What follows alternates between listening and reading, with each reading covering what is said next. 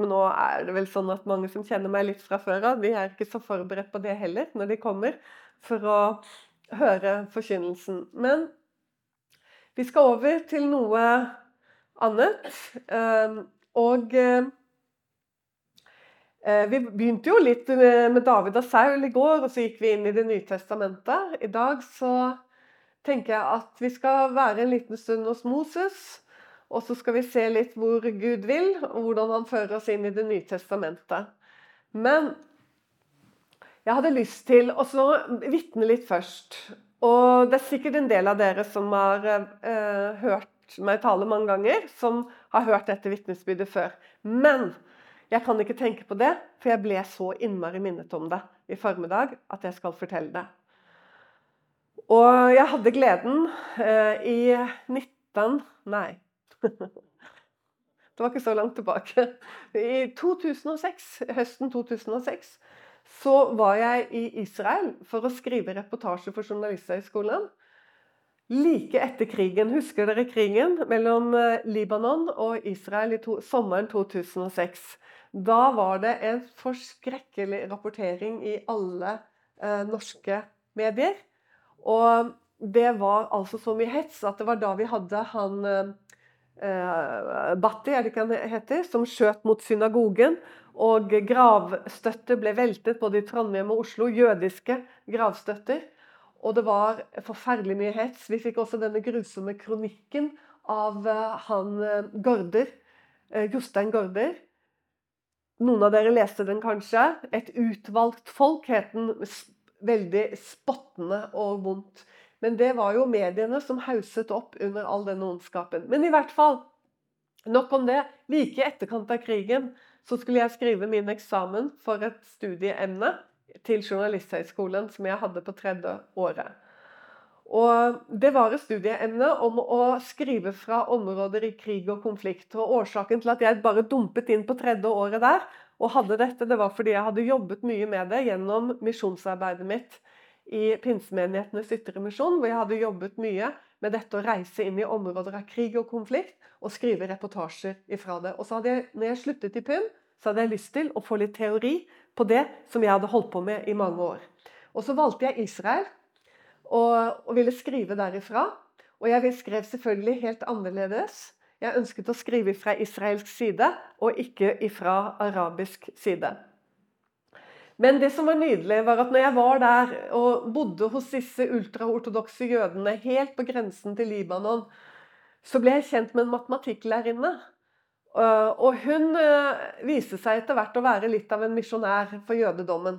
Og hun kunne ikke skjønne hvorfor ikke jeg like godt ble jøde. Hun syntes at jeg hadde bedre kjennskap til det, det vi kaller Det gamle testamentet, og som er deres bibel tenar. Hun syntes jeg hadde mer greie på den enn hun hadde, så hun syntes at jeg burde bli jøde. Så jeg sa til henne men kjære deg, selv, hvor skal jeg da gjøre av Jesus? For jeg kan ikke ta han med meg inn i synagogen. Og så sa hun litt sånn oppgitt åh! Hun syntes det var så dumt med denne Jesus. Og hun forsto jo ikke. Og så sier hun ja, litt sånn for å trøste seg selv, tror jeg. For hun hadde jo prøvd flere ganger med dette her å overbevise meg om at jeg burde bli jøde. Og også min mann Erlend overbevise han om at han burde bli jøde.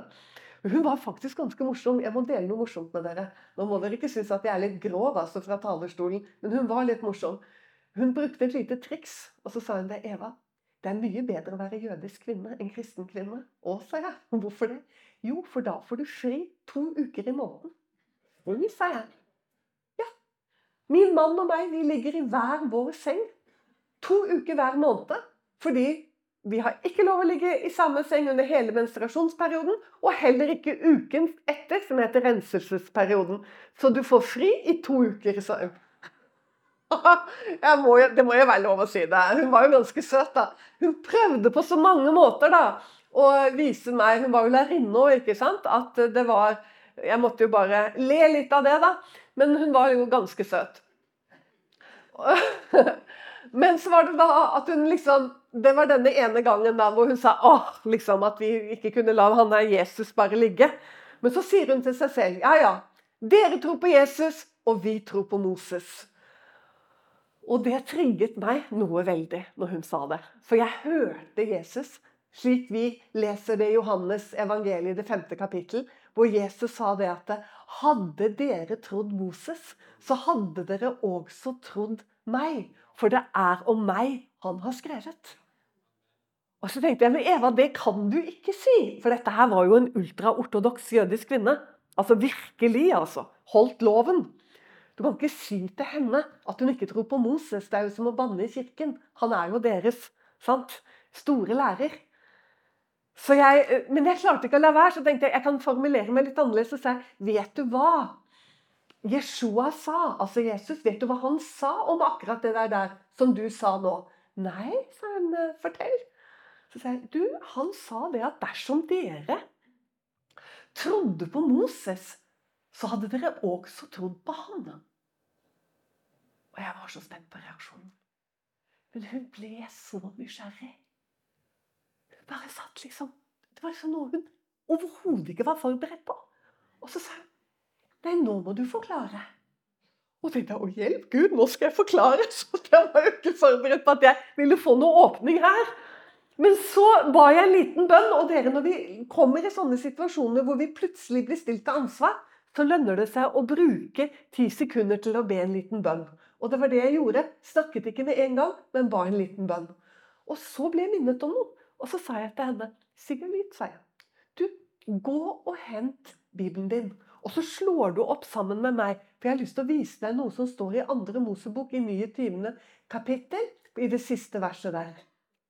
Og hun for og hentet, og vi satt med våre oppslåtte bibler. Og så sa jeg, så sa jeg før du leser da, hvorfor var det at Gud ledet dere ut av Egypt? Hvorfor var det han ledet dere ut av Egypt? Og så ble vi enige om at det var jo flere grunner, egentlig. Men så sa jeg det er jeg ute etter en spesiell grunn. En spesiell grunn nå. Og så sier hun ja, det må det være det at han skulle gi oss loven, sa hun. Og det var jeg ganske sikker på at hun kom til å si òg. Så sa jeg der tar du feil, sa jeg. For det står ikke noe sted, egentlig. Men det står noe annet. Og det står i andre Mosebok, i 29. kapittel. I det siste verset der så står det hvorfor han ledet de ut. Og jeg leser nå slik. trodde jeg at jeg hadde det klart, men det hadde jeg ikke. Eh, 29. kapittel, og der står det I det 46. verset Og de skal kjenne at jeg er Herren deres Gud, som førte dem ut av Egyptens land for å bo midt iblant dem. Jeg er Herren deres Gud. Og du, det var noe hun aldri hadde egentlig tenkt over. Og så sa jeg det fantastiske er jo at han gjorde akkurat det.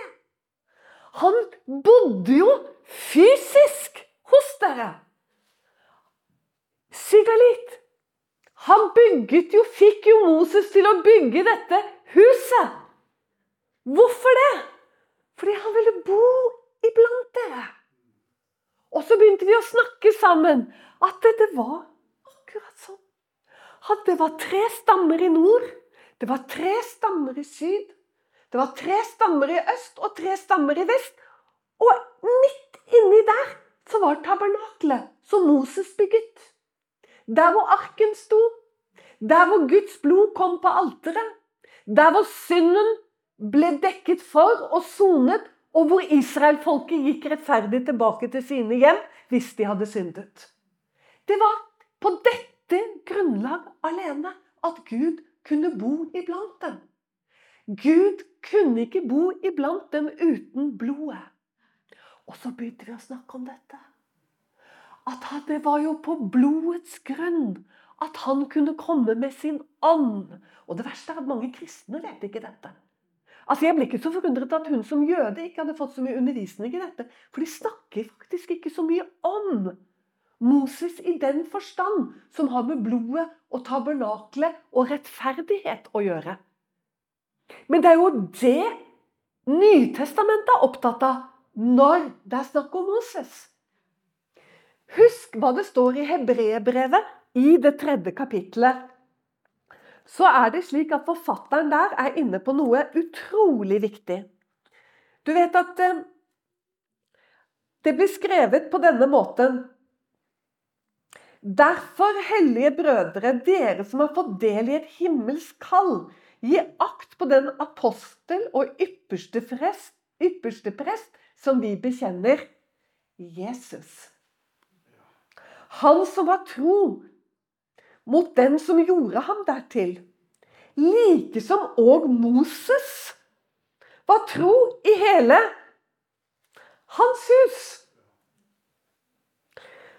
For denne, altså Jesus, er aktet så meget større ære verd enn Moses, som den som har gjort huset, har større ære enn huset selv.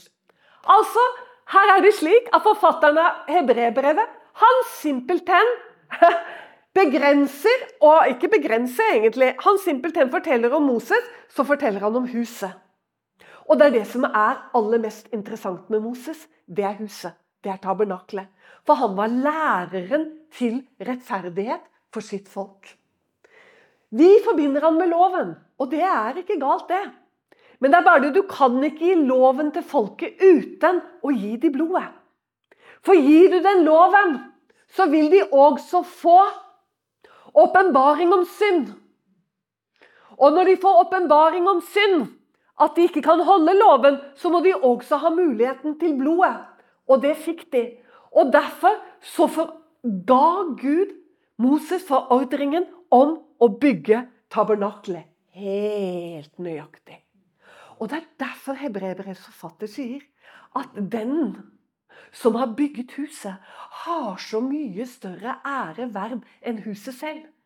Og du skjønner det at det er Jesus Kristus som bygget huset. Det er han som er den som er byggherre til dette huset. Som er den som har gitt forordringen om det hele. Fordi den vitner om ham. Hele tabernaklet er et vitnesbyrd om Jesus Kristus. Det pekte fram på det fullkomne offer og på det blodet som ikke bare skjulte synden, men som tok bort synden. Halleluja. Sånn at Moses er kjempeviktig. Fordi at han var tro i det han skulle gjøre. Og med den gjerning og tjeneste han var satt til, så var han satt til å vitne om Jesus Kristus. Guds rettferdighet. Og derfor så sier Jesus Ikke sant? Her kommer de med Moses. Og så sier han, hadde dere trodd Moses, så hadde dere også trodd meg. For det var meg han har skrevet. Liksom det er noen som går sånn Å, her har vi en Messias-profeti. Og, og, der har vi en Messias-profeti i Mosebøkene. Det er mye større enn som så. Hele Moses sin tjeneste vitner om Jesus Kristus og peker på ham. Du, vi fikk altså en samtale der.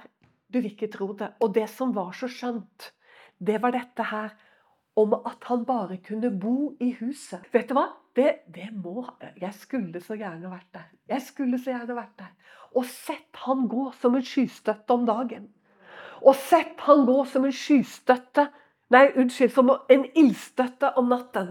Og sett tabernaklet stå der, og skyen som lå over tabernaklet. For Gud hadde flyttet inn midt iblant dem.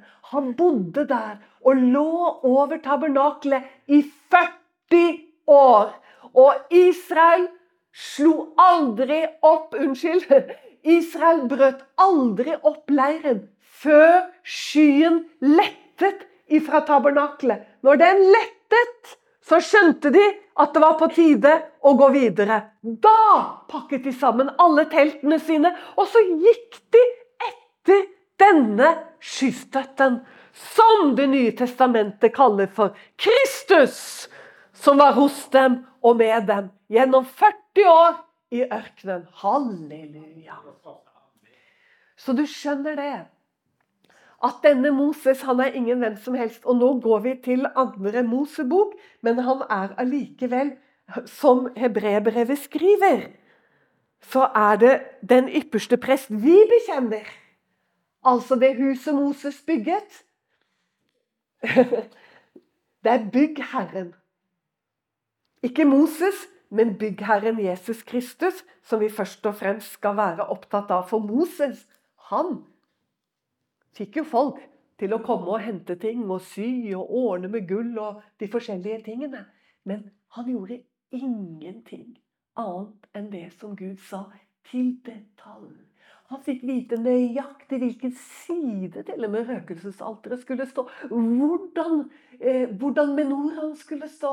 Hvordan alt skulle være i forhold til hverandre. Hvilke farger det skulle være på tøyet. Hvor langt og hvor bredt. Helt detaljert. Hvor skulle alteret stå? Hvor skulle vannfatet være? Alt sammen var helt nøyaktig. Han som er byggherren, er så mye mer ære verd ikke sant? enn huset. For huset, det er Moses, og byggherren, det er Jesus Kristus. Hør nå, dere, hva det står i det sjette kapittelet. Vær klar over det, hvis du ikke er det. At verken Abraham, Isak eller Jakob kjente Guds navn. De kjente ikke Guds navn. Ja, Men Eva, hvordan kan du bare si det? Jo, fordi det står i Bibelen. Derfor kan jeg si det. Sjette kapittel. Si Hør nå. Gud talte til Moses og sa til ham Sjette kapittel, andre Mosebok. Jeg er Herren her står jo da Guds navne. Hver gang det står Herren i Det gamle testamentet, så å si, så står det Guds navne. Jeg er den jeg er. Han har allerede presentert seg tre kapitler før i tornebusken for Moses. Jeg er den jeg er, eller jeg er. Og Det kan også sies på ulike måter, men vi skal ikke gjøre det i dag. Eh, vi skal holde oss til det. Den oversettelsen som er gitt. Hør her. Jeg åpenbarte meg for Abraham, for Isak og for Jakob som den allmektige Gud. Dette er fantastisk. Jeg husker første gang jeg så det. Det var helt fantastisk. Jeg har akkurat vært i bønn, og så hadde jeg bare slått opp Bibelen, for jeg skulle sikkert forberede meg til et møte der mange år siden. Og så bare falt øynene mine ned på det som står her. Det er jo helt utrolig, det som står her. Jeg åpenbarte meg for Abraham, for Isak og for Jakob som den allmektige Gud men ved mitt navn Herren, altså Javé. Jeg er. Det er jo det det står. Jeg er den jeg er. Ved dette navnet var jeg ikke kjent av dem. Fantastisk. Altså, de kjente ikke dette navnet. Og så sier Gud, men nå skal han åpenbare sitt navn. Og så leser du videre dette her i kveld hjemme før du sovner, for det er fantastisk. For nå skal Gud åpenbare hva som ligger i navnet hans. Og gjøre det kjent for Moses. Og så er det han presenterer seg selv som gjenløser. Som gjenløseren. Som skal gjenløse sitt folk fra Egypt. Han som løste de ut ved blodet. Du vet, de måtte tegne blodet over dørstokken og over dørsidene. Og så var det slik at der hvor blodet var, og, englene, og engelen kom inn, så gikk den forbi der hvor den så blodet. Men alle de stedene hvor det ikke var blodet, der ble den førstefødte, både av mennesker og dyr, eh, ødelagt, drept.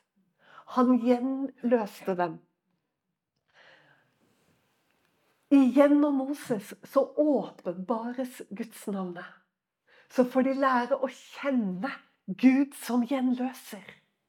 De får oppleve det de gjør, frelsen og utfrielsen fra Egypt. De får komme til Sinai. Og de får oppleve at Gud gir dem både loven og blodet og tabernaklet. For at han skal bo iblant dem. Han må være gjenløser, for ellers så kan han ikke bo hos dem.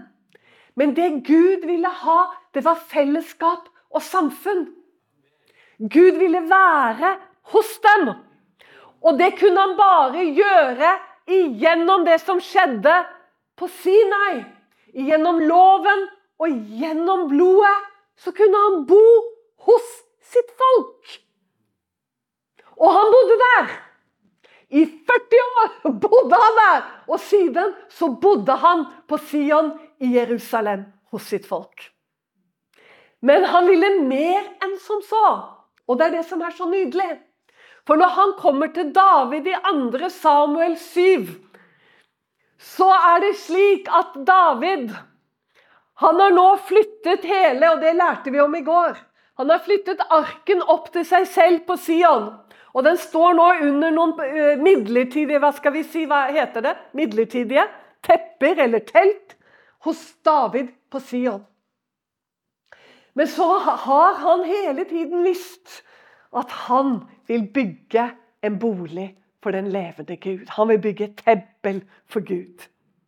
Og så sier han til Nathan, at profeten Nathan Han sier, 'Nathan, jeg skal bygge et tempel for Gud.' Dette får du lese om i 2. Samuel 7 eller 1. Krønike 17. Ikke nå, det gjør du siden. Nå får du bare høre på meg. Og så får du tro som jeg sier, og så får du sjekke i kveld om det var sånn som eh, predikanten sa. Hør her. 2. Samuel 7, 1. krønike 17. Nå har David tatt arken opp til seg, Guds herlighet og åpenbaring opp til seg på Sion, og han vil bygge et hus for Herren. Og så sier han til profeten Nathan, Nathan, jeg skal bygge et hus for Herren. Jeg vil bygge et fantastisk hus for Herren. Jeg snakker litt godt norsk nå. Og Nathan syns dette høres så flott ut. Så, og, og, sånn kan jo vi også være noen ganger. Vi kan være litt raske. Og så sier Nathan det at Gud velsigne deg, David. Sett i gang. Gud er med deg. Noe sånt noe. Og David er så fornøyd når han legger seg den kvelden. Det tipper jeg. Det står ikke noe om det i Bibelen, men jeg kan tenke meg han er veldig fornøyd. Nå har han fortalt Nathan om sine planer. og Nathan er skikkelig velsigna. Å, hva denne nye kongen vår skal gjøre. Nå skal han bygge et fantastisk tempel for Gud. Vår Gud. Den ene sanne Gud. Og Nathan skal legge seg. Å, å. Og så kommer Gud. Og så begynner Gud å tale med profeten Nathan. Og så kommer han på denne måten, og Gud har jo litt humor noen ganger. Han kommer på denne måten, så sier han Skal David bygge et hus for meg? Jeg syns det er så fint. Og så vet du hva han sier for noe? Har jeg noen gang klaget? Da jeg vandret om i et telt i 40 år i ørkenen, har jeg klaget, sier Gud. Han sier det, altså. Nå tuller ikke jeg, han sier det. Og så tenkte jeg Gud, du burde egentlig lagt til noe. Du burde egentlig sagt det var dere som klaget. Ja, burde lagt til. Man er høflig. Sant? Det hadde vel vi lagt til, tenker jeg. Sant? Det, det, var dere som klaget. Jeg har aldri klaget over at jeg måtte bo i et telt. Men dere klaget. Ja, Men han sa ikke det. Han sa bare 'Har jeg noen gang klaget over at jeg bodde i et telt?' Og jeg kan tenke meg Nathan høre Guds rest si disse tingene. Oi, oi, oi, hva skal jeg si til David nå? Og så sier Gud til Nathan, si til David Han skal ikke bygge et hus for meg, men det er jeg som skal bygge et hus for ham. Og du, det er noe av det herligste ordene som fins i Det gamle testamentet, spør du meg. Det fins ikke noe herligere.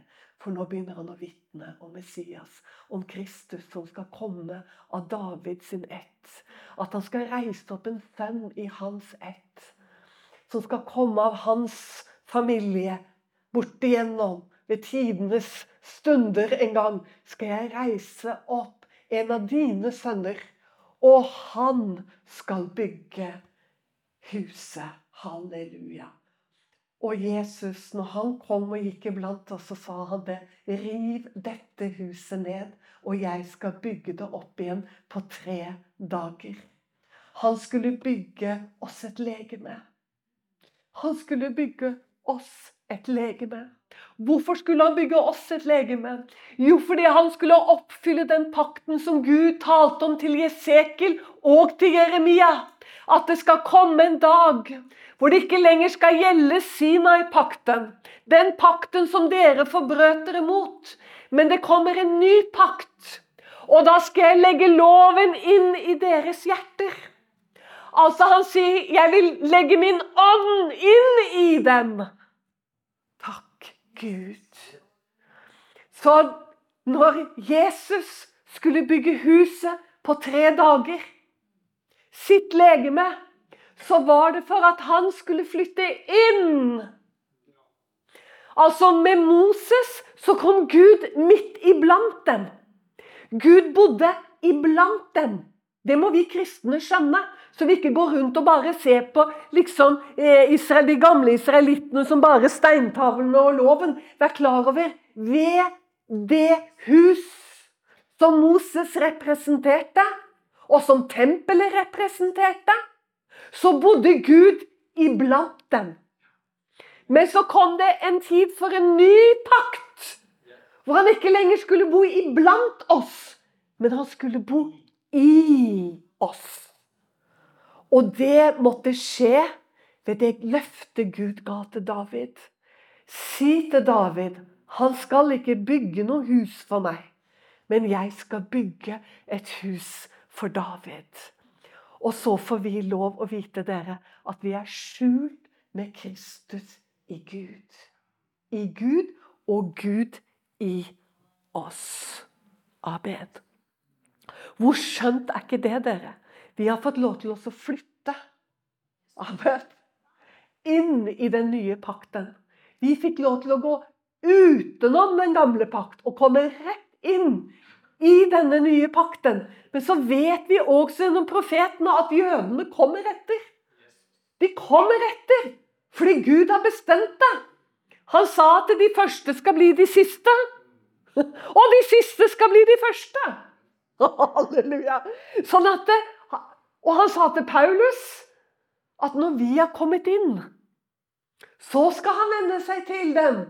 Og så skal de podes inn igjen i sitt eget tre. Å, det er bare så nydelig. Hvordan Gud har sett til det hele, og hvordan han har ordnet det hele. Bli nå med til meg til Jesaja. Nå kan dere godt være med hvis dere vil, og hvis dere ikke vil, så leser dere hjemme det også. Men da får dere jo mye å lese før dere sovner i kveld. I Jesaja 63 så står det du, Det kapitlet det skal du legge merke til. Fordi at det er et veldig profetisk kapittel som ikke er oppfylt ennå. Og det begynner med Jesu eh, som kommer for å straffe synden og verden. Og han kommer i røde klær fra Bosra, står det. Og man kan et øyeblikk tro at det er Golgata det er snakk om her. Hvorfor er dine klær så røde, står det. Og hvorfor er dine klær lik han som trår vinpressen? Og vi begynner å tenke på Golgata, men det er ikke Golgata. Det er noe ganske annet. Han sier det at hevnen svarer. Messias svarer her gjennom munnen til Jesaja. Og så sier han 'hevnens år var i mitt hjerte'. Mitt gjenløsningsår var kommet. Han kommer jo, vet du. Vi glemmer det noen ganger. Taler mye om Frelseren, og det er bra. Men han kommer som dommer til verden. Og Derfor må så mange som mulig bli frelst. For han kommer igjen for å dømme levende og døde. Og det er det som skjer her i Jesaja 63. Han kommer igjen som dommer til verden. Og det er derfor hans klær er så røde nå. Men hør nå, så står det litt lenger ned om hvordan jødene blir frelst. Jeg kan si nesten sånn at jeg vet hvordan de blir frelst, fordi profeten Jesaja har formidlet det. Og han gjør det slik vi kan lese det i Jesaja 63. Så står det at når de kommer i trengsel, fra og med 11. vers og utover, så står det de kommer i stor trengsel. Og hva er det de begynner å spørre etter? De begynner å spørre etter Moses. Men de spør ikke direkte etter Moses, de spør indirekte etter Moses, for det er en annen de er ute etter. De er ute etter han som åpenbarte seg ved Moses sin side. Han som kløvde vannene for oss. Han som gikk i skystøtten, han som gikk i ildstøtten, han som ga sin hellige ånd midt iblant oss. Jeg måtte bare si det sånn, for vi glemmer det. Han ga sin hellige ånd midt iblant dem. Og det er dette de begynner å For nå har dekket falt! Mot Unnskyld meg. Paulus sa Jeg ble veldig ivrig nå, men jeg har lov til det. Paulus sa de har et dekke når de leser Moses, like til denne dag. De ser ikke at alt med Moses handlet om Jesus Kristus. Så de har et dekke når de leser det. Men nå har dekket begynt å falle. Og så begynner de å spørre, ikke etter Moses, men de spør etter han. Hvor er han som kløvde vannene? For hva da? For å gjøre seg et herlig navn, står det. Han som ga Den hellige ånd midt iblant oss. Han bodde der. Han bodde der. Skyen lå der. Han som ga sin hellige ånd midt iblant oss for å gjøre seg et herlig navn. Han som ledet oss gjennom ørkenen i 40 år i en skystøtte for å gjøre seg et herlig navn. Hva er det navnet? Jo, det er 'Jeg er'. Halleluja. Hva da? Se hva som står i det 16. verset i kapittel 63. For du er vår far. Nå roper de virkelig etter Gud.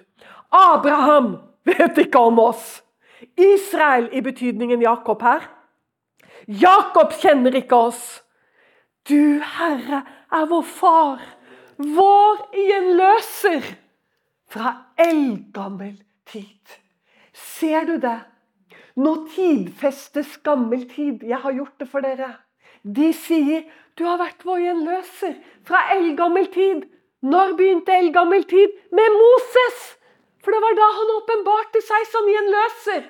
Han viste sitt navn. Herren er frelse. Herren er gjenløser. Abraham kjente ikke han ved navn. Jakob kjente ikke han ved navn.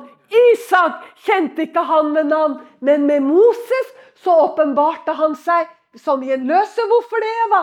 For han kom med loven, og han kom med blodet. Han kom med gjenløsningen, og han bodde iblant dem. De lærte å kjenne han som gjenløser. Vår frelser. Han som kløvde vannene for oss. Han som fridde oss ut av Egypt. Han som gikk sammen med oss i 40 år. Og så roper de 'Hvor er han?' Og så sier de så fint Abraham! Akkurat som jeg ser det for meg. For du skjønner, de må pugge Abraham på jeshivaene. Opp igjen så sitter de og pugger Talmud om Abraham. Holdt på å si hva han spiste, og hvordan han kledde seg, og hvordan han gikk, og hva han sa og hva han ikke sa. Og vi måtte pugge Isak, og vi måtte pugge Jakob, og vi måtte pugge disse fedrene. Men nå sier de Gi oss han som åpenbarte seg ved Moses sin side. Skjønner du nå hva Jesus sa til fariseerne når han sa det? Hadde dere trodd Moses, så hadde dere også trodd meg. For det er om meg han taler. Halleluja! Ja, jeg håper du henger med, og at du forstår hvor store ting jeg forteller deg her i kveld. Dette er store ting. Herlige ting. Jesus Halleluja. Og Moses. Det er ikke rart at Moses og Jesus sto der sammen på Forklarelsens berg. Jeg vet at Elia også var der, og det er herlig det òg. For både, Mos, både Moses og Elia fikk se ham. Det er bare de to som jeg vet om, som fikk oppleve det. Still deg her. Stå her. Så skal jeg gå forbi. Halleluja.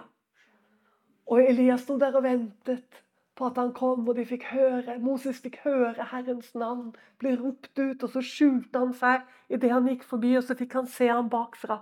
Og så hørte han navnet Herren, Herren. Er en nådig og barmhjertig Gud, langmodig og rik på miskunnhet og sannhet. Vår gjenløser fra eldgammel tid. Jesus Kristus og så sier han i Johannes evangeliet til oss i det 17. kapittel, slik står det, at han bevarte oss. Jeg bevarte dem, sier han. Han ber til sin far. Han sier, 'Jeg bevarte dem i ditt navn', sier han. Men så sier han, og det er så fantastisk, 'som du ga meg', gjenløseren. Her sier han at han er den gjenløseren som bor i deg. Er du klar over det? Guds rike bor i deg ved Den hellige ånd. Han har ingen begrensninger i tid og rom.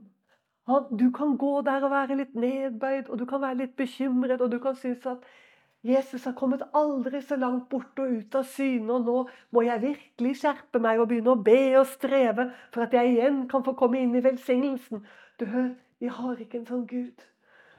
Det er slik skjønner du, at han har tegnet deg i sine hender. Du er hans barn. Han elsker deg så ubeskrivelig høyt.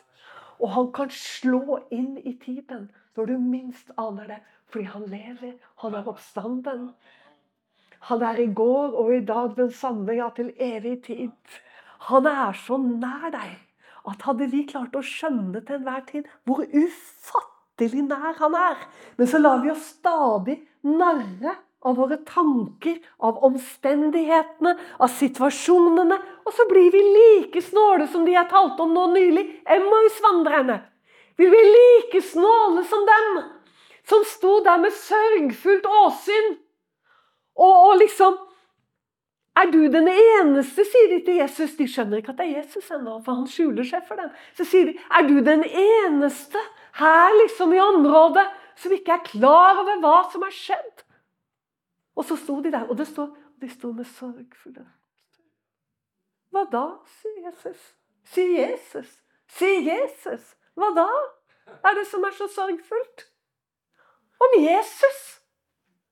Han som våre ypperste prester, og, og de bedro han, og de korsfestet han, og Ja, ja vel. Så står de der, så sier de Og det er, det beste for meg. Dette er det aller beste. Og vi som hadde håpet at det var han som skulle forløse Israel. Og du, Vi ler av det, men vi er så like mange ganger. Vi lar oss fullstendig innta av omstendighetene, av situasjonene, av bekymringene. Og så, så, så går det sånn ja. Har du sett noe hva som skjer med alle disse pride-flaggene? Har du sett det? Det er fryktelig. Altså, nå, nå er jeg litt tøysete med dere. Og så psyker vi oss helt ned. ikke sant? Ja, det er fryktelig. Som om noe av dette var noe vår frelse ikke hadde sett. Som om noe av dette kan begrense ham. Som om noe av dette kunne skje om ikke han hadde tillatt det. Hvor, hvor, hvor stor Jesus har du? Jeg har en helt enorm en. Det håper jeg du også har. Du skjønner, ingenting av dette kunne skje hvis ikke han hadde tillatt det. Han sa det at lovløsheten må skje! Det må skje! Du skjønner, du skal ikke rede ditt leie her. Det som er problemet med oss, er at vi har blitt så jordiske. Vi er så innmari vendt mot denne jorden og liv. Og det er jo ikke så rart, da, for vi er jo mennesker. Og, og, og vi blir jo som Emmaus-vandrerne, vi òg. Og han kjenner oss, han vet åssen vi er. Han fordømmer oss ikke. Men vi behøver ikke å holde på sånn. Du kan bestemme det her i kveld. For at du Jeg vet hva, jeg vil ikke, vil ikke holde på sånn lenger. Og drive og trykke meg selv ned. Når jeg har en frelser som er så enorm, og ingenting skjer uten at hans uten at det har gått igjennom hans ånd. Og dette gjelder uansett! Uansett hva som skjer i ditt liv. Uansett! Han er ikke en Gud som har trukket seg tilbake og liksom ikke har kontroll. Han har Full kontroll. Hvorfor sier du dette, Eva? Jo, jeg vil at du skal skjønne hvor, hvor enorm han er. Hvor helt utrolig stor han er. Helt ufattelig. Og han er så nær dere. Emmausvandrerne. Har du ikke hørt hva som har skjedd? Vi ligner så ofte på Emmausvandrerne. Og jeg sier ikke at du ikke kan ha god grunn. Det kan være vonde ting og smertefulle ting. Men Jesus har aldri lovet, verken deg eller meg, at det ikke kan bli vondt å ta opp vandringsstaven og følge ham. Men han har lovet at han skal være med deg gjennom ild. Han har lovet at han skal være med deg gjennom vann. Han har lovet at elvene ikke skal overskylle deg. Han har lovet at den dagen du lukker øynene dine her, så er du hjemme hos ham i hans hjem, og han bestemmer når du skal hjem, ikke du. Halleluja, for en Gud vi har! Det går langt utover det verden og det livet vi lever her. Og det er til stede. Døden er oppslukt til seier. Død, hvor er din brann? Død, hvor er din seier? Han oppslukte døden til seier. Så uansett hva du går og bærer på Jesus er fullstendig klar over situasjonen din. Og han kan løse deg ut i et nu. Og hvis han ikke gjør det, hører du du som holder deg nær til han. Jeg snakker ikke om du som lever på kanten, skjønner du, som går og vet at du driver og kjøpslår med Guds ord, vet at du driver med synd på si, vet at du holder på med ting som ikke er bra. Jeg sier det alltid, for det kan alltids være mennesker som trenger å få hjelp til å bli løst ifra synden. Hvem var det som sa det? Var sa det? Han sa det at vi, lot, at vi ble renset fra synden. Hva da? Som, som henger seg fast på oss. Du skjønner, den vil henge seg fast på deg. Hører du? Hvis du har latt deg lokke inn i ting som ikke er bra, så står det i Skriften at det er akkurat det synden vil gjøre med Guds barn. Den vil klistre seg på deg. For da holder den igjen, og du klarer ikke å løpe i det løpet sånn som Gud vil at du skal. Men forutsett at du er der i det løpet, så har Jesus Han hadde bare sånn kontroll. Du er så trygg. Du er så ufattelig trygg. Og innimellom så åpner han øynene våre sånn at vi får se og skjønne hvor trygge vi er. Og slutt for din egen del. Gud slår ikke hånden av deg, men slutt for din egen del og stille opp det der ansiktet. Vi som trodde. Vi som hadde håpet. Hva er det for noe? Det er mistillit til Jesus. Det er mistillit til hans makt. Riket er ditt. Makten er din. Æren er din. Og ikke hele ondskapens ånd der kan rikke ved det faktum.